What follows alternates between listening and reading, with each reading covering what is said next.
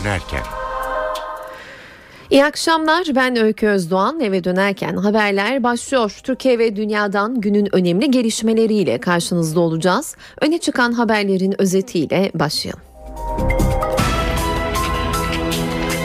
Ankara Cumhuriyet Başsavcılığı yolsuzluk ve rüşvet operasyonları ile bağlantılı iki kritik başvuruyu karara bağladı. Savcılık devlet içinde paralel devlet iddiasına karşı görevsizlik, orduya kumpas iddiasına ise yetkisizlik kararı verdi. Rüşvet operasyonunun ardından emniyette başlayan değişim ve görevden almalar istihbarat daire başkanlığına da sıçradı. İstihbarat dairede dinleme, teknik takip gibi önemli şubelerin başında bulunan 15 müdür ve müdür yardımcısı görevden alındı. Başbakan Dolmabahçe'deki ofisinde İçişleri, Adalet Bakanı ve MİT Müsteşarı ile gün boyu görüşmeler yaptı. Bu görüşmeden sürpriz bir başka görüşmenin haberi çıktı. Başbakan yarın gazeteciler, yazarlar ve sivil toplum kuruluşları temsilcilerinden oluşan 45 kişilik grupla bir araya gelecek. Anayasa Mahkemesi hak ihlali var dedi. Yerel mahkeme KCK'dan yargılanan iki BDP'li vekil için tahliye kararı verdi. Gülser Yıldırım ve İbrahim Ayhan az önce serbest bırakıldı.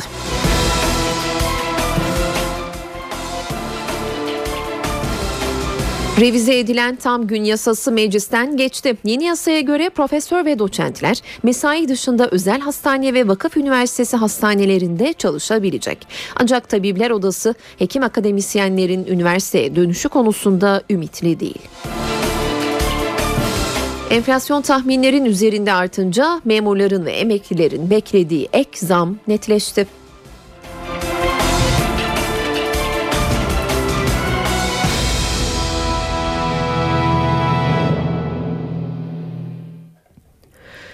Ankara Cumhuriyet Başsavcılığı yolsuzluk ve rüşvet operasyonlarıyla bağlantılı iki kritik başvuruyu değerlendirdi ve karara bağladı.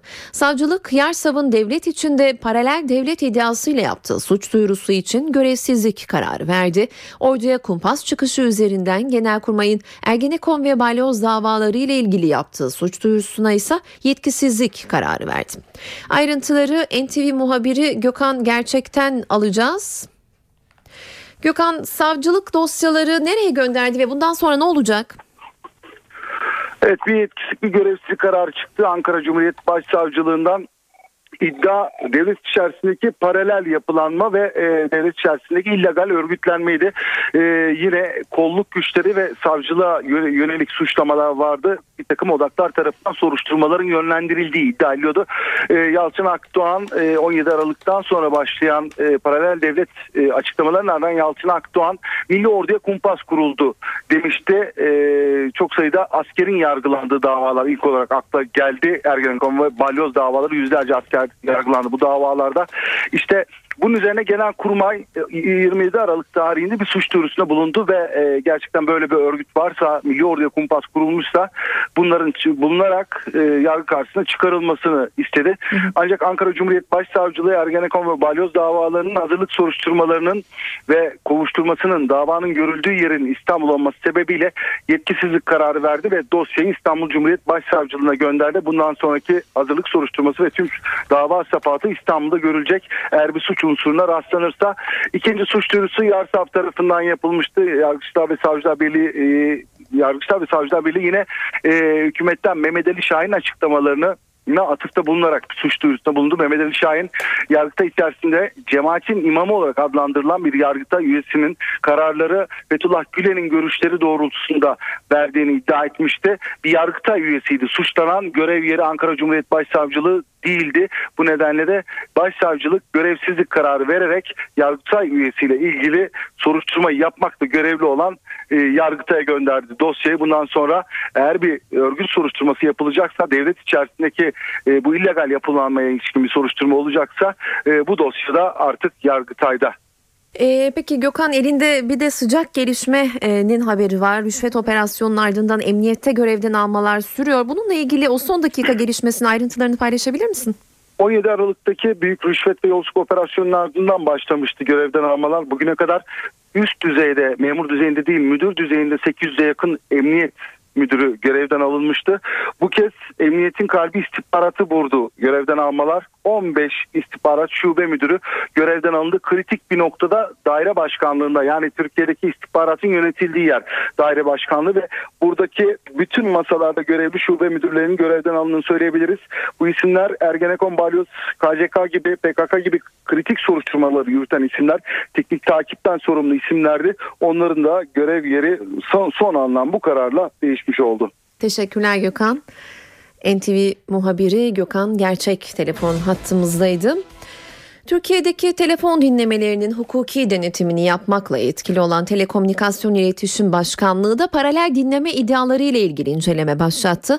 TİB'in yaptığı yasal dinlemelerin paralel bir hat çekilerek başkaları tarafından da dinlendiği iddiaları basına yansımıştı. Bugün yapılan açıklamada iddialara yönelik incelemeler devletimizin yetkili organları ve kurumumuz tarafından hassasiyetle yürütülecektir denildi. Başbakan Recep Tayyip Erdoğan İstanbul'da Dolmabahçe Sarayı'ndaki çalışma ofisinde önemli görüşmeler yaptı. Başbakan İçişleri Bakanı, Adalet Bakanı ve MİT Müsteşarı ile görüştü. Başbakanın sürpriz başka görüşmelere hazırlandığı ortaya çıktı. NTV muhabiri Deniz Tüysüz gün boyu Başbakanın Dolmabahçe'deki ofisinin önündeydi ve şu anda da notlarıyla telefon hattımızda Deniz seni dinliyoruz. Başbakan Recep Tayyip Erdoğan bugün senin de belirttiğin gibi Dolmabahçe Çalışma Ofisi'nde sürpriz bir toplantı gerçekleştirdi. İçişleri Bakanı Efkan Ala, Adalet Bakanı Bekir Bozdağ, MİT Müsteşarı Hakan Fidan ve Emniyet İstanbul Emniyet İl Müdürü Selami Altınoğlu katıldığı bir toplantı gerçekleştirildi. Orada Başbakanlıktan resmi bir açıklama yapılmadı bu toplantıya dair. Ancak toplantıda ele alınan konular arasında gündemdeki maddeler oluşturuluyor. Bunlardan birisi e, geçtiğimiz e, günlerde Hatay'da hareket, e, Hatay'da Suriye'ye yardım amaçlı gittiği getirilen tırın e, yolda e, çevrilmesi ve aranmasıydı. İçişleri Bakanı Efkan Ağla bu konuyla ilgili orada Türkmenler var. Tırda Türkmenlere giden yardımlar var açıklaması yapmıştı. İşte Başbakan Erdoğan bugün İçişleri Bakanı'ndan bu konuya ilişkin bilgiler edindi, bilgiler aldı. Aynı zamanda Cumhuriyet Başsavcılığında yürütülen soruşturmalarla ilgili olarak da yapılan operasyonlar sonrasında yaşanan gelişmelerle ilgili olarak da yine bu toplantıda bakanlardan ve MİT müsteşarından bilgi aldı Başbakan Recep Tayyip Erdoğan. Şu anda da Libya, Libya Başbakanı Ali Zeydan'la bir görüşme gerçekleştiriyor Başbakan Erdoğan. Daha sonrasında ise iki başbakan ortak bir basın toplantısı yapacak. İşte bu basın toplantısında Başbakan Erdoğan'ın gündeme ilişkin soruları cevaplaması bekleniyor. Ardından da Libya Başbakanı onuna verecek akşam yemeği olacak İstanbul Dolmabahçe Çalışma Ofisi'nde. Hı. Ve yarın, yarın da Başbakan Erdoğan'ın mesaisi İstanbul'da sürecek, devam edecek. Başbakan Erdoğan yarın gazeteciler, yazarlar ve STK temsilcilerinde bulunduğu 45 kişilik bir grupla burada çalışma ofisinde sabah saat 11'de bir araya gelecek ve bu kişilerle gündemi değerlendirecek. Teşekkürler Deniz. NTV muhabiri Deniz Tüysüz telefon hattımızdaydı. Meclis Başkanı Cemil Çiçek operasyonlar, emniyet ve adliye, yürütme ve yargı arasındaki gerilime ilişkin çarpıcı değerlendirmelerde bulundu.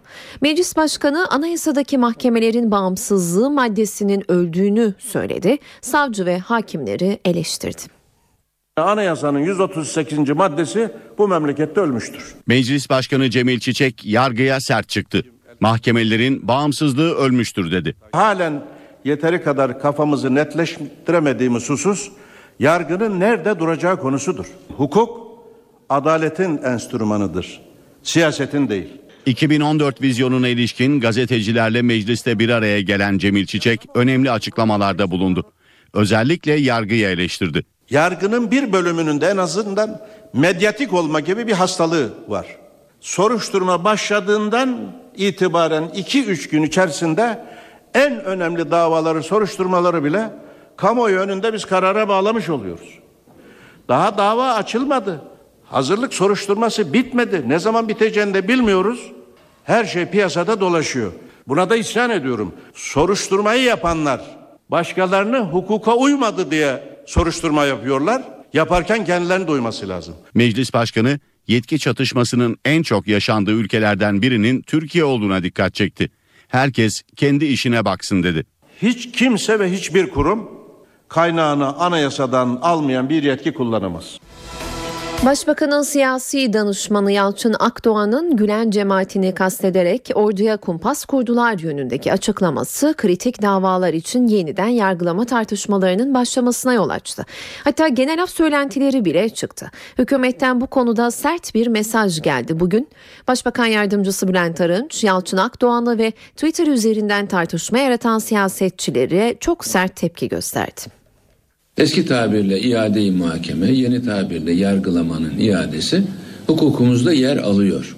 Bazı şartlar yerine geldiğinde yargılamanın iadesi mümkün olabilir. Bir, yargılamanın iadesi sadece bitmiş davalar için mümkündür. Zaten adından da öyle anlaşılıyor. Bir yargı kararını vermiş olacak, kesinleşmiş olacak ama sonradan o kararı etki eden bir takım unsurlar ortaya çıkarsa ve bu o kararı değiştirebilecek güçte olursa o zaman yeniden yargılama iadesi mümkün olabilir demiştim. Şimdi bahsettiğiniz davaların bir kısmı kesinleşmiş durumda, bir kısmı da henüz yargı süreci tamamlanmamış. Dolayısıyla hiçbirisinin ismini, adımızı, adını ağzımıza almadan şöyle diyebiliriz.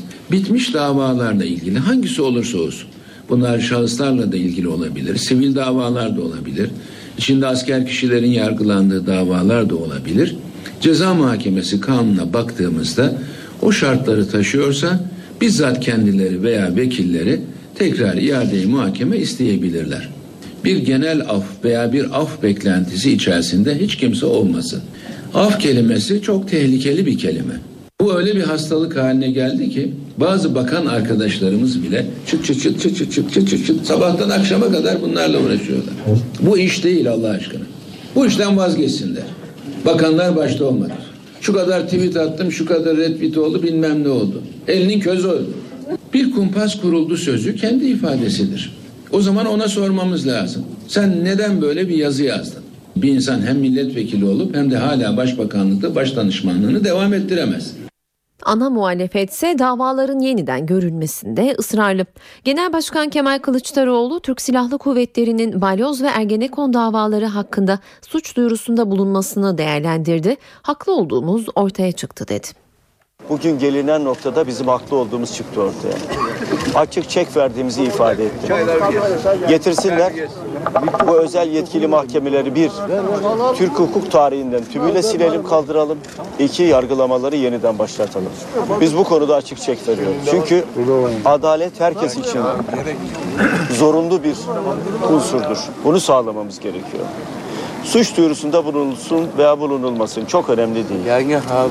Siyasiler olarak düşünüp geriye baktığımızda bu davanın avukatlığını kim üstleniyordu acaba? Ben değil. Davanın avukatlığını üstlenen Recep Tayyip Erdoğan değil miydi? Şimdi bize kumpas kurdular. Milli orduya kumpas kurdular diyorlar.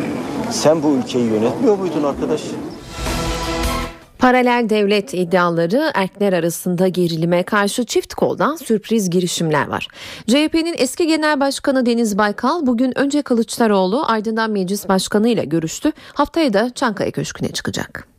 Anayasal bir kilitlenme var. Bir siyasal kilitlenme var. Ee, çatışmanın yumuşacağına dair bir işaret yok. Bu manzara karşısında demokratik, hukuki, meşru bir çözüm ihtiyacı, bu kilitlenmeyi açacak bir anahtar arayışı haklı olarak e, herkesin, bütün vatandaşlarımızın e, gönlünde yatıyor. Hepimiz böyle bir arayışı zorunlu görüyoruz. Değerli arkadaşlarım aslında bu anahtar siyasettir. Yaşanan krizi aşmanın yolu siyaseti işletmektir.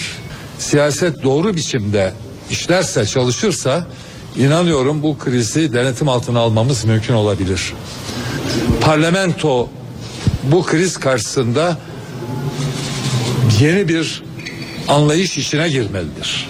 Mekanizmaları işletmeliyiz, gereken girişimleri yapmalıyız ve parlamento devrede olmalıdır. Sayın Cumhurbaşkanı devrede olmalıdır. Türkiye Barolar Birliği Başkanı Metin Feyzioğlu da krizin çözümü için 3 maddelik öneri hazırladı. Görüşlerini Cumhurbaşkanı ile paylaştığını söyleyen Feyzioğlu yarın da Başbakan Recep Tayyip Erdoğan'la bir araya gelecek. Evet densin bir hafta içerisinde çözeriz bu işi. Önerimiz suçsuz olduğunu haykıran yurttaşları rencide edecek bir af veya şartlı salı verilme değildir. Tasfiye halindeki özel görevli mahkemelerin kesin olarak kaldırılması ve verdikleri mahkumiyet kararlarının bozulması.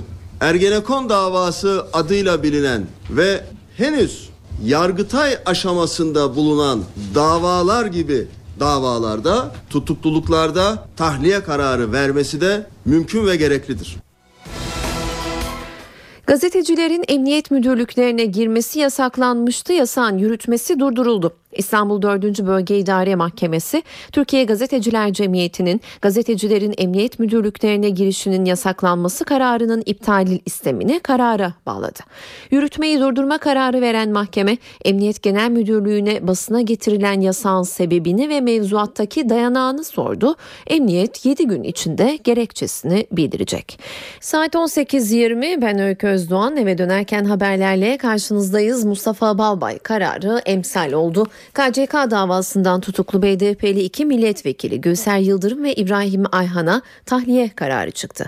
Anayasa Mahkemesi KCK davasından tutuklu iki BDP'li vekilin hakları ihlal edildi dedi. İki vekilin avukatları kararı dayanak gösterip Diyarbakır'da yerel mahkemeye bir kez daha tahliye başvurusunda bulundu.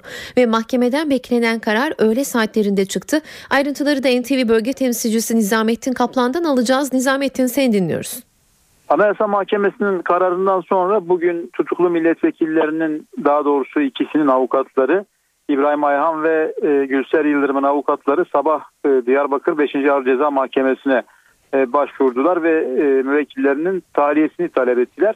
Bu başvurunun ardından e, savcı da benzer bir talepte bulundu. O da e, tahliye istediği milletvekilleri için ve mahkeme akşam saatlerinde e, kararını açıkladı. E, 5. Ağır Ceza Mahkemesi hem e, milletvekili İbrahim Ayhan Diyarbakır'da tutuklu bulunan İbrahim Ayhan hem de Mardin'de tutuklu bulunan KCK davası sanıklarından Gülser Yıldırım'ın tahliyesine karar verdi.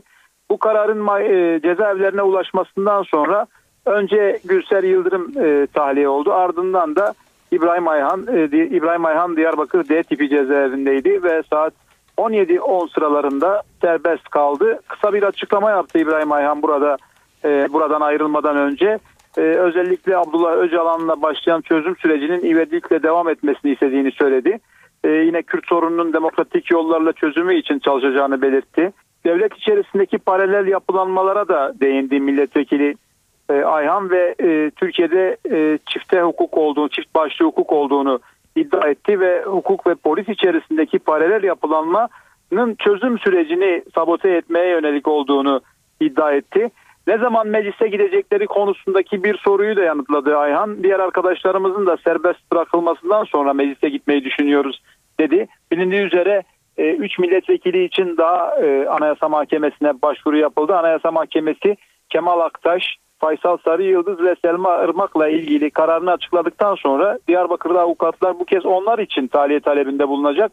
Muhtemelen önümüzdeki hafta içerisinde de o milletvekilleriyle ilgili e, yaşanacak gelişmeye e, göre İbrahim e, Ayhan ve Gülser Yıldırım meclise giderek yemin edecekler. Mahkeme bu kararı verirken tabii ki uzun tutuk, tutukluluktan makul sürenin aşılması ve seçilme hakkının ihlaline vurgu yaptı.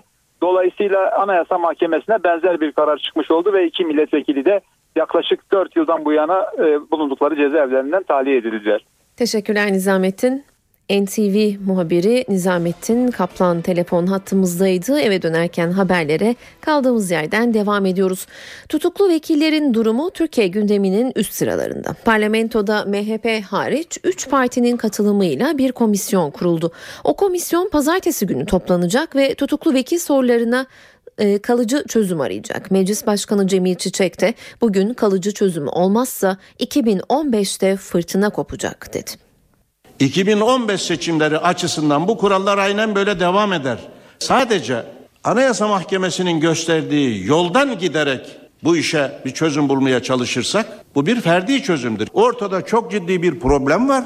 Sadece ya tamam çıkan çıktı biz bundan sonrası bizi ilgilendirmiyor dersek 2015'te fırtına olur.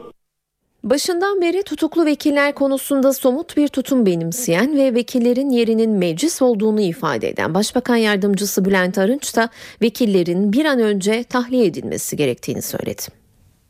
Aslında ben geçmişte verilen kararın bugünlere emsal olması gerektiğini düşünmüştüm. Mahkemeler bunu emsal olarak kabul etmediler. Bireysel başvurudur, adı üstündedir. Herkesin ayrı ayrı müracaat etmesi gerekir dediler. Benim kanaatim yine öyle değil. Bu sefer herkesin yaptığı başvuruya göre de karar vermeye başladılar. Tahliyelerin mutlaka bir an önce yapılması gerekir. Bunu mecliste bütçe konuşmamda da ifade etmiştim. Bu konuda muhalefetten gelen açıklamalarla devam edelim. CHP Genel Başkan Yardımcısı Sezgin Tanrıkulu partisinin bu sorunun çözümü için getirdiği çözümü anlattı. Temel hak ve özgürlükler konusunda yargının takdir alanı daraltılmalıdır. Anayasanın 14. ve 83. maddeleri değiştirmelidir. Eğer iktidar partisi buna evet diyorsa bu sorun kalıcı olarak hem bu dönem bakımından hem de bundan sonraki dönemler bakımından çözülmüş olur. BDP Grup Başkan Vekili Pervin Buldan tutuklu ve hükümlü milletvekilleriyle ilgili Meclis Başkanı Cemil Çiçek'in açıklamalarına paralel konuştu. Sorun günü birlik değil kalıcı olarak çözülmeli dedi. Hukukçu milletvekilleri bir araya gelip e, bu sorunu ortak bir şekilde gündemlerine alıp bir formül bulmaları gerekiyor. Ve Barış ve Demokrasi Partisi olarak sorunun köklü bir şekilde çözülmesinden yanayız. Geçici yani günü kurtaran çözümler değil, kalıcı ve köklü çözümlerin mutlaka hayata geçmesinden yana olduğumuzu ifade etmek istiyorum. MHP ise tutuklu vekiller konusunda mecliste kurulan komisyona üye vermeme kararı almıştı. Partinin Grup Başkan Vekili Yusuf Halaçoğlu gerekçelerini NTV yayınında anlattı. Mahkum edilmiş bir milletvekilini eğer serbest serbest bıraktıracak bir kanun çıkaracak olursanız zaten hukuk alt üst olur ve bu ahime gittiği takdirde Abdullah Öcalan'a kadar da gidebilir. Bizi bu kumpasın içerisine kimse çekmeye kalkışmasın. Hatay'da mühimmat yüklü olduğu iddiasıyla durdurulan ancak içinde devlet sırrı var denilerek aranmasının engellendiği ifade edilen tırla ilgili haberler muhalefetin gündeminde. CHP lideri Kılıçdaroğlu Türkiye'nin uluslararası meşruiyeti tartışmalı hale gelmiştir dedi.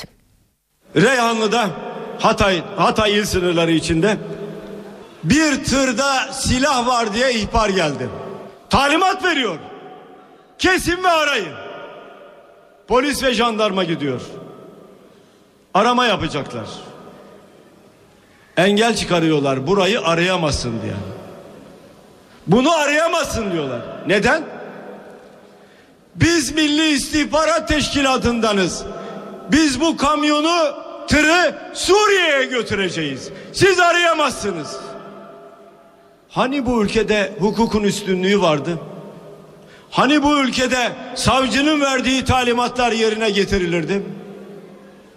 Vali yazı yazıyor. Emniyet müdürüne ve jandarmaya. O tırı kimse aramasın. Tır miting kontrolündedir diyor. Türkiye Cumhuriyeti'nin uluslararası alanda meşruiyeti tartışmalı hale gelmiştir artık. Hiçbir devlet yasa dışı işlere bulaşmaz. Açıkça göz göre göre birilerinin eline silah verip git kardeşini öldür diyorlar. Biz buna evet diyecek miyiz?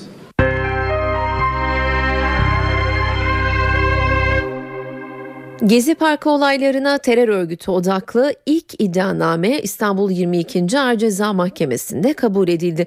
İddianameyi yolsuzluk ve soruşturma dosyasının elinden alınması üzerine görevimi yapmam engellendi diye açıklama yapan Başbakanın sert bir dille suçladığı savcı Muammer Akkaş hazırladı. SDP üyesi Ulaş Bayraktaroğlu'nun da aralarında bulunduğu 4'ü tutuklu 36 sanığa 3 ila 58 yıl arasında değişen hapis cezası istenen iddianamede sanıklar terör örgütü üyesi olmak, tehlikeli maddeleri izinsiz bulundurmakla suçlanıyor. İddianamede Gezi Parkı eylemlerinin demokratik tepkinin ötesine geçerek terör örgütü propagandasına ve eylemlerine dönüştüğü iddia ediliyor.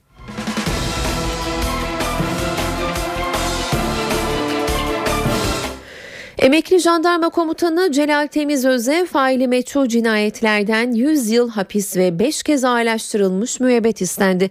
Şırnak'ın Cizre ilçesinde işlenen 20 faili meçhul cinayetle ilgili görülen davada savcı esas hakkındaki görüşünü açıkladı. Diyarbakır 6. Ağır Ceza Mahkemesi'ndeki duruşmada 3'ü tutuklu 8 sanık hazır bulundu. Savcı sanıklar tarafından kurulan örgütün 1993 yılından itibaren Cizre'de terörle mücadele amacıyla devlet tarafından sağlanan her türlü imkanları kullandığı ve temiz özün talimatıyla çok sayıda cinayet işlendiğini iddia etti. Eski Kayseri Jandarma Komutanı Emekli Albay Cemal Temizöz'ün 5 kez ağırlaştırılmış müebbet hapiste cezalandırılmasını isteyen savcı ayrıca 100 yıl hapis cezası istedi. Savcı diğer sanıklar hakkında da ağırlaştırılmış müebbet hapis talep etti. Hrant Dink soruşturmasında ifadeye çağrılan eski Emniyet İstihbarat Daire Başkanı Sabri Uzun sağlık sorunları sebebiyle şimdilik ifade vermeye gidemeyeceğini bildirdi. 6 sene önce kalp ameliyatı geçiren Uzun'un kalbinde devam eden şikayetten dolayı rapor aldığı kaydedildi. Konuyla ilgili Hürriyet gazetesine konuşan Sabri Uzun, daha önce de mahkeme çağırırsa seve seve ifadeye gideceğimi söylemiştim. Savcılık çağırmış, yine ifade vereceğim ancak sağlıklı ifade vermek istiyorum dedi.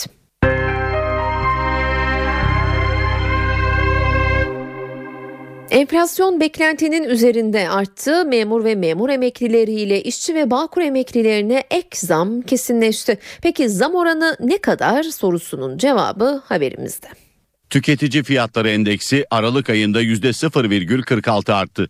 2013'te yıllık tüketici enflasyonu %7,4 oldu. Bu rakam hem resmi hedefin hem de Merkez Bankası tahminlerinin üstünde. Merkez Bankası hükümete bir mazeret mektubu yazacak. Kamuoyuna da açıklanacak olan mektupta enflasyon hedefindeki sapmanın nedenleri anlatılacak. Aralıkta üretici fiyatları endeksi de %1,1 oranında arttı. Yıllık üretici enflasyonu %6,97 oldu. Aralıkta alkollü içecekler ve tütün, giyim ve ayakkabı ve haberleşme ana harcama gruplarında düşüş yaşandı. Gıda ve alkolsüz içecekler en yüksek artış görülen ana harcama grubu oldu. Aralık ayının zam şampiyonu fiyatı %34 artan patlıcan oldu. Yıllık bazda ise en yüksek fiyat artışı alkollü içecekler ve tütün grubunda gerçekleşti. Aralık enflasyonu milyonlarca memur, sözleşmeli personel ve emeklinin 2014 maaşlarını da belirledi. 2013'ün ikinci 6 ayında enflasyon zam oranından yüksek çıktı. Buna göre %0,27 oranında ek zam yapılacak. Ek zamla belirlenecek maaş 15 Ocak'ta ödenecek. İşçi ve Bağkur emeklilerinin 2014 yılı Ocak ayı zam oranı da %3,27 olacak. Dar ve orta gelirlinin vazgeçilmez temel gıdası patatesin kilo fiyatı tavan yaptı. Nedeni üretimin düşmesi olarak açıklanıyor. Sektör temsilcileri fiyatın Nisan'a kadar 5 lirayı bulabileceğini söylüyor. Üretim azaldı, fiyatı arttı. Patatesin kilosunun Nisan'a kadar 5 liraya yükselmesi bekleniyor. 2012 yılında üretici yaklaşık 5 milyon ton patates üretti. Ürün pazarlanamayınca tarlada ve depoda kaldı. Zarar eden çiftçi patates ekmedi. 2013'te üretim düştü. Üretim azlığı var, talep fazlalığı var. Şu anda şirketlerin ürettiği patates olmasa piyasaya verilecek patates yok diye bilirim. Talebin yükselmesi ve rekoltenin düşmesiyle fiyatlarda değişim yaşandı. Mart ayında kilosu 23 kuruş olan üretici fiyatı Kasım'da 90 kuruşa çıktı. Pazar tezgahında ise patatesin fiyatı 3,5 lira. Sektör temsilcileri yeni ürün hasadının yapılacağı Nisan'a kadar düşme beklemiyor. Türkiye Ziraat Odaları Birliği fiyatın 5 liraya çıkabileceğine dikkat çekti. Tam gün yasa tasarısı Meclis Genel Kurulu'ndan geçti. Onay için Çankaya Köşkü'ne gönderildi. Düzenleme sağlık alanında köklü değişiklikler öngörüyor ve geniş kesimleri etkiliyor. Tartışmalar şimdiden başladı. Türk Tabipler Birliği tasarı bizi memnun etmedi diyor. Tam gün yasası meclisten geçti. Tasarıyla profesör ve doçent doktorlar mesai saatleri dışında özel hastanelerde çalışabilecek. Kamudaki doktorlar mesai saatleri dışında iş yeri hekimliği yapabilecek. Beşten sonra gidip bir hocaya sadece istediğiniz bir hocaya muayene olabileceksiniz. Veya istediğiniz bir hocaya ameliyat olabileceksiniz. Bunun karşılığında da sağlık uygulama tebliğinde belirlenen ücret kadar bir ücreti ek olarak ödemek zorundasınız. Ama artık bir hoca kendi başına ben şurada çalışmak istiyorum değil kurumsal olarak organize edilmiş olacak. Doktorlar tasarıdan memnun değil. Üniversitedeki doçentlerle bir profesörlerin 5'ten sonra bir özel hastaneye kiralanması söz konusu. Özel hastaneyle hiç de az olmayan bir rakam üzerinden anlaşacaklar ve özel hastaneler bu parayı hekim kazansın veya kazanmasın rektörlük hesabına yatıracaklar. Bu e, üniversite öğretim üyeleri için de kabul edilir bir durum değil. Hekimlerin sağlık kurumları dışında hastalara müdahalesini hapis cezasına kadar götüren maddede eleştiriliyor. Bu e, yasanın tartışması bu gezi olaylarından sonra ortaya çıktı. Bu yasaya tüm uluslararası tıp kuruluşları karşı çıktı. Aile hekimlerinin ayda en az 8 saat nöbet tutması ve sünneti sadece hekimlerin yapacak olması da tasarının getirdiği yeniliklerden. Türk Tabipler Birliği tasarıya itiraz edecek. Cumhurbaşkanından yasayı onaylamaması için randevu talep edecek. Saat 18.38 eve dönerken haberlerle yeniden karşınızdayız. ÖSYM'nin düzenlediği sınavlara başkalarının yerine sahte evrakla giren Joker çetesi yakalandı. 6 ile yayılan operasyonda aralarında memur ve öğretmenlerin de olduğu çok sayıda gözaltı var. Çete Joker öğrencilerden birinin öğretmeninin adını bilememesi üzerine çökertildi. 200 bin kişi incelendi. İlkokul öğretmeninin adı ne sorusu sınav çetesine çökertti. İddiaya göre yerine sınava girilecek kişiler kimliklerini kaybettiğini söyleyerek nüfus müdürlüğüne başvurdu. Para karşılığı sınava girecek Joker adı verilen çete üyelerinin fotoğraflarıyla yeni kimlikler çıkartıldı. Bu sayede Jokerler engele takılmadan sınava girdi. Polis takip sonucu Joker öğrencilerden birini gözaltına aldı. Şüpheli İlkokul öğretmeninin adı ne sorusunu cevaplayamayınca suçunu itiraf etti. Çete üyesinin verdiği bilgiler doğrultusunda operasyon genişletildi. 6 ilde 10 kişi gözaltına alındı. Zanlıların aralarında araştırma görevlisinin de olduğu 23 kişiyi kamu kurumlarına yerleştirdiği tespit edildi. Üniversitelere öğrenci olarak yerleştirilen 250 kişinin büyük bölümünün terör suçlarından sabıkalı olduğu ileri sürüldü. Çete sayesinde üniversiteye yerleştirilen kişilerin diplomaları iptal edilecek. Memur olması sağlanan kişilerin ise bütün maaşları geri istenecek.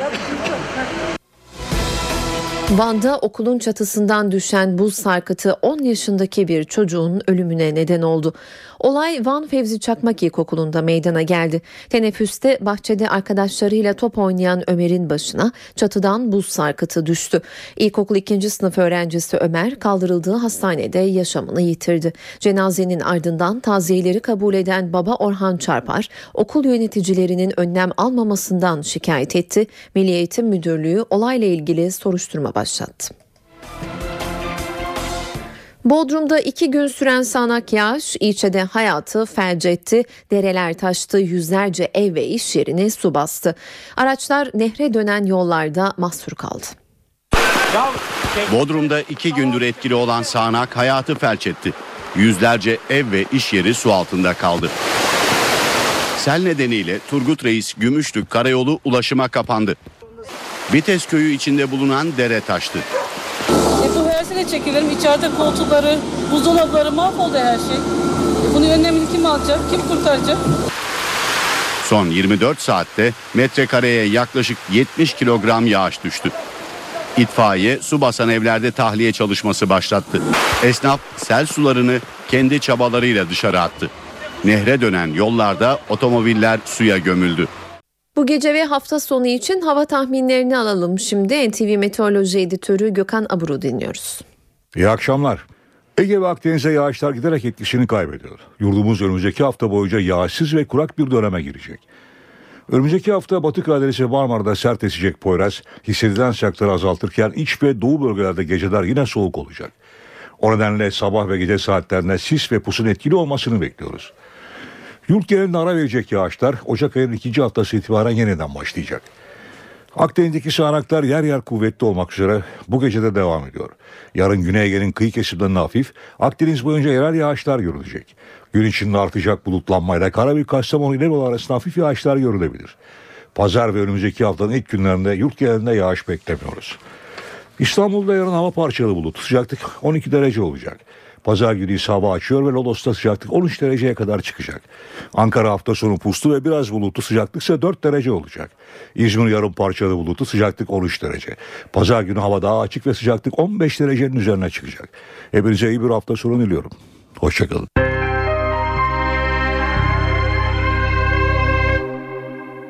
Amerikan Savunma Bakanlığı Suriye'ye ait kimyasal silahların imha edileceği gemiyi basına tanıttı. Virginia eyaletinin Portsmouth limanında demirli olan Cape Ray adlı gemide 700 ton kimyasal silahın imhası planlanıyor. Gemide çalışacak 35 askeri personel titizlikle seçildi. İmha çalışmalarının iki hafta içinde başlaması planlanıyor.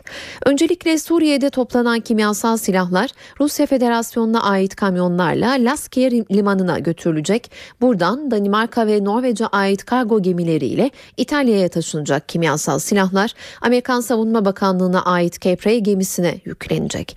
İtalya'dan Akdeniz'e açılacak olan gemi burada koordinatları açıklanmayan bir noktada imha işlemine başlayacak. Tüm silahların imhasının 3 ay sürmesi bekleniyor.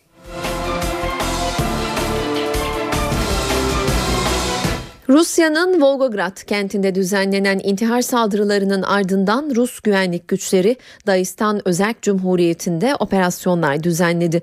Çıkan çatışmada iki militan öldürüldü. Rusya, Soçi'de gelecek ay başlayacak kış olimpiyatları öncesinde Kafkasya'da ayrılıkçı Çeçen ve Dağistanlı militanlara karşı operasyonlarını yoğunlaştırdı. Bu hafta başında Rusya'nın güneyindeki Volgograd'da düzenlenen iki intihar saldırısında 34 kişi hayatını kaybetmişti. Rusya Devlet Başkanı Vladimir Putin ise teröristler imha edilene kadar savaşa devam edeceğiz demişti. Efsanevi pilot Michael Schumacher 45. yaşına komada girdi. Fransa'da kayak yaparken başını kayaya çarpan ve komadan halen çıkamayan Schumacher için sevenleri tedavi gördüğü hastanenin önüne akın etti. Fransa'da bir hastanede hayatının en büyük mücadelesini veren Formula 1'in efsanevi pilotu Michael Schumacher 45 yaşında. Hayranları komada olan Schumacher'i doğum gününde yalnız bırakmadı. Onlarca kişi ellerinde Ferrari bayraklarıyla hastane önüne akın etti.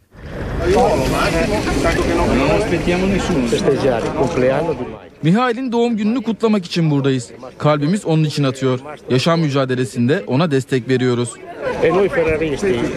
Schumacher'in 72 kez pistte birinciliğe taşıdığı Ferrari takımı da özel bir doğum günü mesajı yayınladı. Mesajda en zorlu yarışındasın. Hadi yine başarabilirsin ifadesine yer verildi. Go, go, go. Efsanevi pilotun eşi de desteklerinden dolayı hayranlarına teşekkür etti.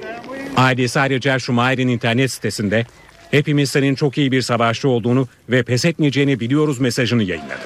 Halen komada olan ve hayati tehlikeyi atlatamayan Schumacher, bütün zamanların en başarılı Formula 1 pilot olarak kabul ediliyor. 19 yıllık kariyerinde 91 yarış kazanan Schumacher geçen yıl pistlere veda etmişti. Dünyanın en zenginleri listesi güncellendi. Bloomberg'un yayınladığı listeye göre dünyanın en zengin 300 isminin serveti bir yılda toplam 524 milyar dolar arttı. En zenginler listesinin tepesinde ise değişiklik yaşandı. Microsoft'un kurucusu Bill Gates 3 yıl aradan sonra yeniden zirveye oturdu. Microsoft'un kurucusu Bill Gates 78,5 milyar dolarlık kişisel servetiyle bir kez daha dünyanın en zengini ünvanını aldı. Meksikalı iş adamı Carlos Slim'i 3 yıl sonra birincilik tahtından indiren Gates, 2013'te servetine 15 milyar dolar ekledi. Bloomberg'in zenginler endeksine göre bu kazancın büyük bir kısmı Microsoft'un hisselerinin değer kazanmasıyla gerçekleşti. Carlos Slim ise 1,5 milyar dolarlık kayıpla servetini 73,8 milyar dolara geriletti. Teknoloji alanında en çok kazananlardan biri de Facebook'un kurucusu Mark Zuckerberg oldu. Zuckerberg bir yılda 12 milyar dolar kazandı. Dünyadaki çoğu zengin de servetine servet kattı. 300 zenginin toplam varlıkları geride kalan yıl içerisinde 524 milyar dolar artarak 3,7 trilyon dolara ulaştı. Bu miktar 1 dolarlık banknotlar halinde ucuca eklendiğinde dünya ile güneş arasındaki 150 milyon kilometrelik mesafe 4 kez kat edilebiliyor. 2013'te en çok kaybedense Brezilya'nın petrol zengini iş adamı olan Eike Batista oldu. 2012'de dünyanın 8. en zengini olan Batista'nın şirketi %90'ın üzerinde değer kaybetti. Brezilyalı iş adamı devlete iflas koruma başvurusunda bulundu. Bugüne dek obezitenin gelişmiş ülkeler için tehdit olduğu bilinirdi ancak son yapılan araştırma gelişmekte olan ülkelerin de sıkıntıda olduğunu gözler önüne serdi. İngiliz bilim insanlarının çalışmasına göre gelişmekte olan ülkelerdeki obez sayısı 1 milyara ulaştı. Son 25 yılda gelişmekte olan ülkelerdeki obez sayısı 4'e katlanarak 1 milyara ulaştı. İngiltere merkezli Yurt Dışı Kalkınma Enstitüsü'nün yayımladığı son rapor bu çarpıcı sonucu ortaya koydu. Rapora göre dünyada her 3 kişiden biri obez. Obezitenin en hızlı yayıldığı ülkelerse aralarında Türkiye'nin de bulunduğu gelişmekte olan ülkeler oldu. Bu ülkelerde son 25 yılda obezite tam 4 kat arttı. Artışın en çok görüldüğü ülkeler Çin ve Meksika. Kuzey Afrika ve Orta Doğu'da obezitede Avrupa'yı yakalamış durumda. Geçtiğimiz yıllarda en çok gelişmekte olan ülkelerdeki gelirler arttı. Obezitenin artışı yükselen gelirler ve kentlileşme ile doğrudan bağlantılı. Gelir artışının yanında geleneksel beslenme alışkanlıklarının terk edilerek işlenmiş gıda, fast food ve şekerli içeceklerin fazlaca tüketilmesi de obeziteye etken olarak gösteriliyor. Uzmanlar obezitenin önüne geçilmezse kalp, damar, diyabet ve kanser gibi hastalıklarda ciddi artışların görüleceği konusunda uyarıyor. Sıra geldi haftalık sinema köşemize. Bu hafta vizyonda ikisi yerli toplam 4 yeni film var.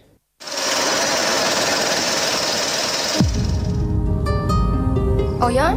Ablam. Ne olmuş ablana? Halam geldi dedi dedi. O anlar dedi. Ne zaman geldi? Sabah. Ya bulaştıysa? Bu kız yarın okula gitmesin.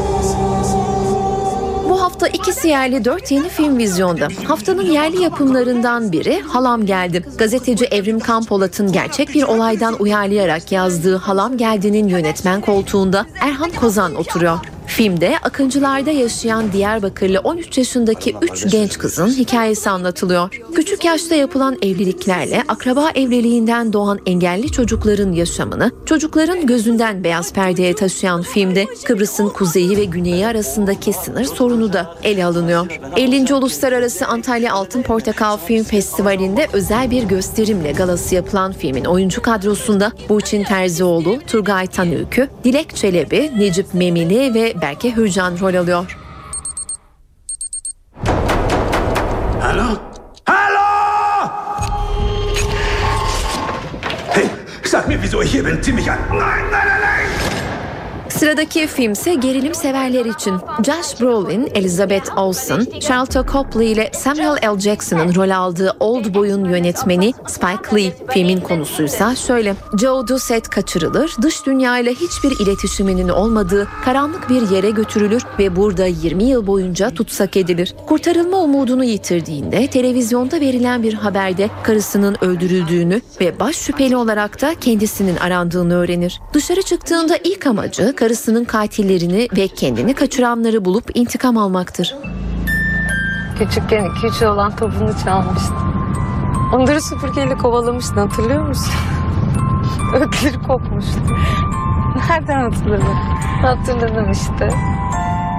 Haftanın bir diğer filmi ise Kusursuzlar. 50. Antalya Altın Portakal Film Festivali'nde en iyi film ve en iyi yönetmen, 4. Malatya Film Festivali'nde ise en iyi kadın oyuncu ödüllerine layık görülen Kusursuzların başrollerini İpek Türktan'la Esra Bezen Bilgin paylaşıyor. Yönetmenliğini Deniz Eyüboğlu Aydın, sanat yönetmenliğini Elif Taşçıoğlu, müziklerini Barış Diri, kurgusunu ise Taron Patterson'ın yaptığı filmde kardeşlik ilişkileri ve kan bağı dışında çok az ortak yanı olan iki insan arasındaki ilişki anlatılıyor. Hi, how can I help you today? Hi, I can't seem to leave a wink for someone. Okay, uh, I'm looking at your profile. You left a lot of this stuff blank. Well, I haven't really been anywhere. The Secret Life of Walter Mitty, Türkçe vizyon adıyla. Walter Mitty'nin gizli yaşamının yönetmeni Ben Stiller. Macera ve dram severleri sinema salonlarına çekmeyi hedefleyen filmin oyuncu kadrosunda Ben Stiller, Kristen Wiig ve Sean Penn'le Catherine Hahn yer alıyor. Filmde tirajı yüksek bir derginin fotoğraf arşivinde çalışan Walter'ın yeni iş arkadaşıyla flört etmeye başladıktan sonra hayalindeki sevgilinin gerçeğe dönüşmesi üzerine yaşananlar anlatılıyor.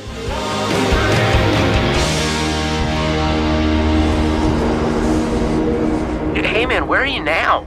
Himalayas? I'm going to keep this short. I have to make oxygen choices. Saat 19 ben Öykü Özdoğan eve dönerken haberlerin bu bölümüne günün öne çıkan gelişmelerinin özetiyle başlıyoruz. Ankara Cumhuriyet Başsavcılığı yolsuzluk ve rüşvet operasyonları ile bağlantılı iki kritik başvuruyu karara bağladı. Savcılık devlet içinde paralel devlet iddiasına karşı görevsizlik, orduya kumpas iddiasına ise yetkisizlik kararı verdi. Rüşvet operasyonunun ardından emniyette başlayan değişim ve görevden almalar istihbarat daire başkanlığına da sıçradı. İstihbarat dairede dinleme, teknik takip gibi önemli şubelerin başında bulunan 15 müdür ve müdür yardımcısı görevden alındı. Hatay'da mühimmat yüklü olduğu iddiasıyla durdurulan ancak içinde devlet sırrı var denilerek aranmasının engellendiği ifade edilen tırla ilgili haberler muhalefetin gündeminde CHP lideri Kılıçdaroğlu Türkiye'nin uluslararası meşruiyeti tartışmalı hale gelmiştir dedi. Anayasa Mahkemesi hak ihlali var dedi. Yerel mahkeme KCK'dan yargılanan iki BDP'li vekil için tahliye kararı verdi. Gülser Yıldırım ve İbrahim Ayhan akşam saatlerinde cezaevinden çıktı. BDP'li Gülser Yıldırım geride bıraktığı arkadaşları için üzgün olduğunu söyledi. Revize edilen tam gün yasası meclisten geçti. Yeni yasaya göre profesör ve doçentler mesai dışında özel hastane ve vakıf üniversitesi hastanelerinde çalışabilecek.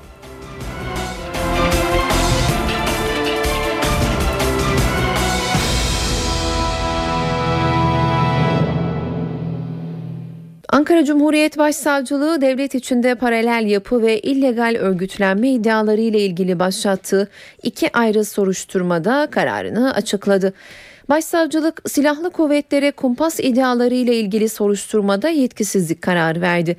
Başbakanın başdanışmanı Yalçın Akdoğan'ın orduya kumpas kurulduğu sözlerinin ardından Ergenekon ve Balyoz davalarının devlet içindeki örgüt tarafından yönlendirildiği iddialarının araştırılması için Genelkurmay Başkanlığı suç duyurusunda bulunmuştu. Soruşturma ve iddiaların görüldüğü yerin İstanbul olması sebebiyle başsavcılık yetkisizlik kararıyla dosyayı İstanbul Cumhuriyet Başsavcılığına gönderdi. Başsavcılık Yarsav'ın yaptığı Yargıtay'daki imam iddiası içinse görevsizlik kararı verdi ve dosyayı Yargıtay'a gönderdi. Suçlanan ismin Yargıtay üyesi olması karara gerekçe gösterildi. Yolsuzluk ve rüşvet operasyonunun ardından emniyette başlayan değişim ve görevden almalar İstihbarat Daire Başkanlığı'na da sıçradı. İstihbarat Dairesi'nde dinleme, teknik takip, PKK ve sol örgüt gibi masaların başında olanlar dahil 15 müdür ve müdür yardımcısı görevden alındı. Görevden alınan şube müdürleri Elmadağ'daki polis okuluna kaydırıldı. CHP Hatay'da mühimmat yüklü olduğu iddiasıyla durdurulan ancak aranması engellendiği ifade edilen tır konusunu yargıya taşıdı. Ana muhalefet İçişleri Bakanı ve Hatay Valisi hakkında suç duyurusunda bulundu. Adana Cumhuriyet Savcısı Özcan Şişman'ın da tırın aratılmaması ile ilgili düzenlediği tutana Adana ve Hatay Cumhuriyet Başsavcılıklarına gönderdi. Suç duyurusunda devlet yetkililerinin mahkeme kararına istinaden tırı incelemeye çalışan Cumhuriyet Savcısını engellemesi engellemesi hükümetin kanuna aykırı bir eylem içinde olduğu şüphesini uyandırmaktadır denildi. Anayasa Mahkemesi'nin hak ihlali var kararının ardından Diyarbakır'daki yerel mahkeme KCK'dan yargılanan iki BDP'li vekil için tahliye kararı verdi.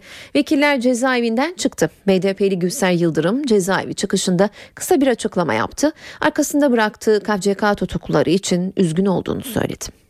Şimdi arkamda onlarca anne, binlerce siyasetçi, yüzlerce, binlerce siyasetçi ve seçilmiş insan bırakarak çıkmışsam ben bunu böyle hani sevinçle karşılayacak bir durum değildir.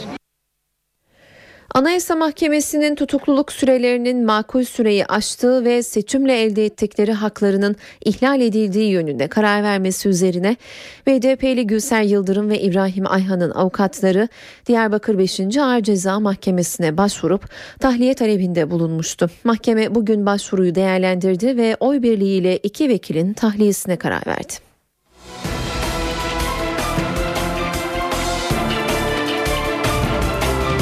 Gezi Parkı olaylarına terör örgütü odaklı ilk iddianame İstanbul 22. Ağır Ceza Mahkemesi'nde kabul edildi. İddianameyi yolsuzluk ve soruşturma dosyasının elinden alınması üzerine görevimi yapmam engellendi diye açıklama yapan Başbakanın sert bir dille suçladığı savcı Muammer Akkaş hazırladı. SDP üyesi Ulaş Bayraktaroğlu'nun da aralarında bulunduğu 4'ü tutuklu 36 sanığa 3 ila 58 yıl arasında değişen hapis cezası istenen iddianamede sanıklar terör örgütü üyesi olmak, tehlikeli maddeleri izinsiz bulundurmakla suçlanıyor.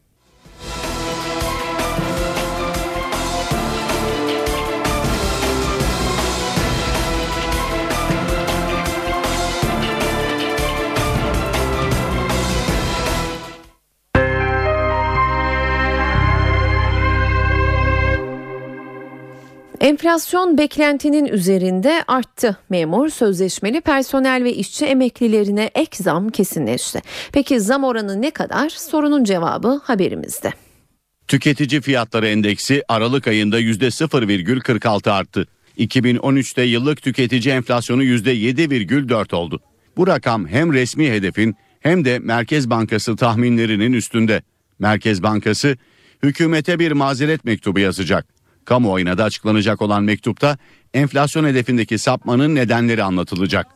Aralıkta üretici fiyatları endeksi de %1,1 oranında arttı.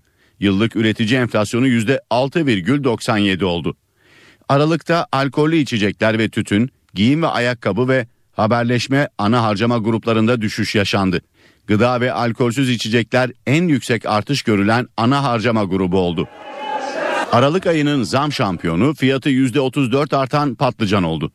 Yıllık bazda ise en yüksek fiyat artışı alkollü içecekler ve tütün grubunda gerçekleşti. Aralık enflasyonu milyonlarca memur, sözleşmeli personel ve emeklinin 2014 maaşlarını da belirledi. 2013'ün ikinci 6 ayında enflasyon zam oranından yüksek çıktı. Buna göre %0,27 oranında ek zam yapılacak. Ek belirlenecek maaş 15 Ocak'ta ödenecek. İşçi ve Bağkur emeklilerinin 2014 yılı Ocak ayı zam oranı da %3,27 olacak. Sırada kültür sanat köşemiz var. Günün etkinliklerinden öneriler sunacağız.